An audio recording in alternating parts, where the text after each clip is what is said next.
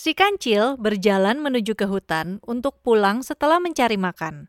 Di tengah jalan, dia harus menyeberangi sungai berisi banyak buaya kelaparan. Si kancil berjalan menuju ke hutan untuk pulang setelah mencari makan.